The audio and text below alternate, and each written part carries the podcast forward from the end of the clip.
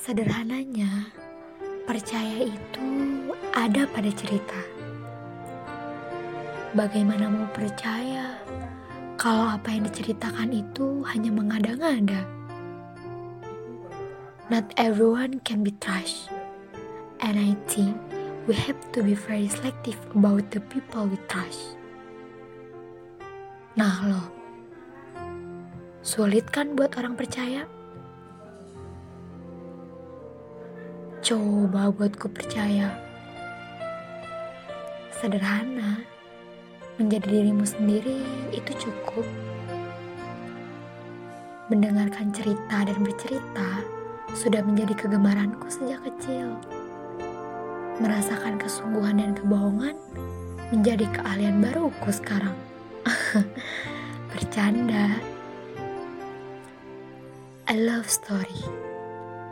And Thank you for believe to tell your story.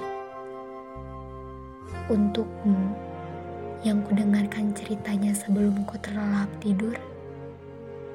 Selamat, kamu sudah kupercaya.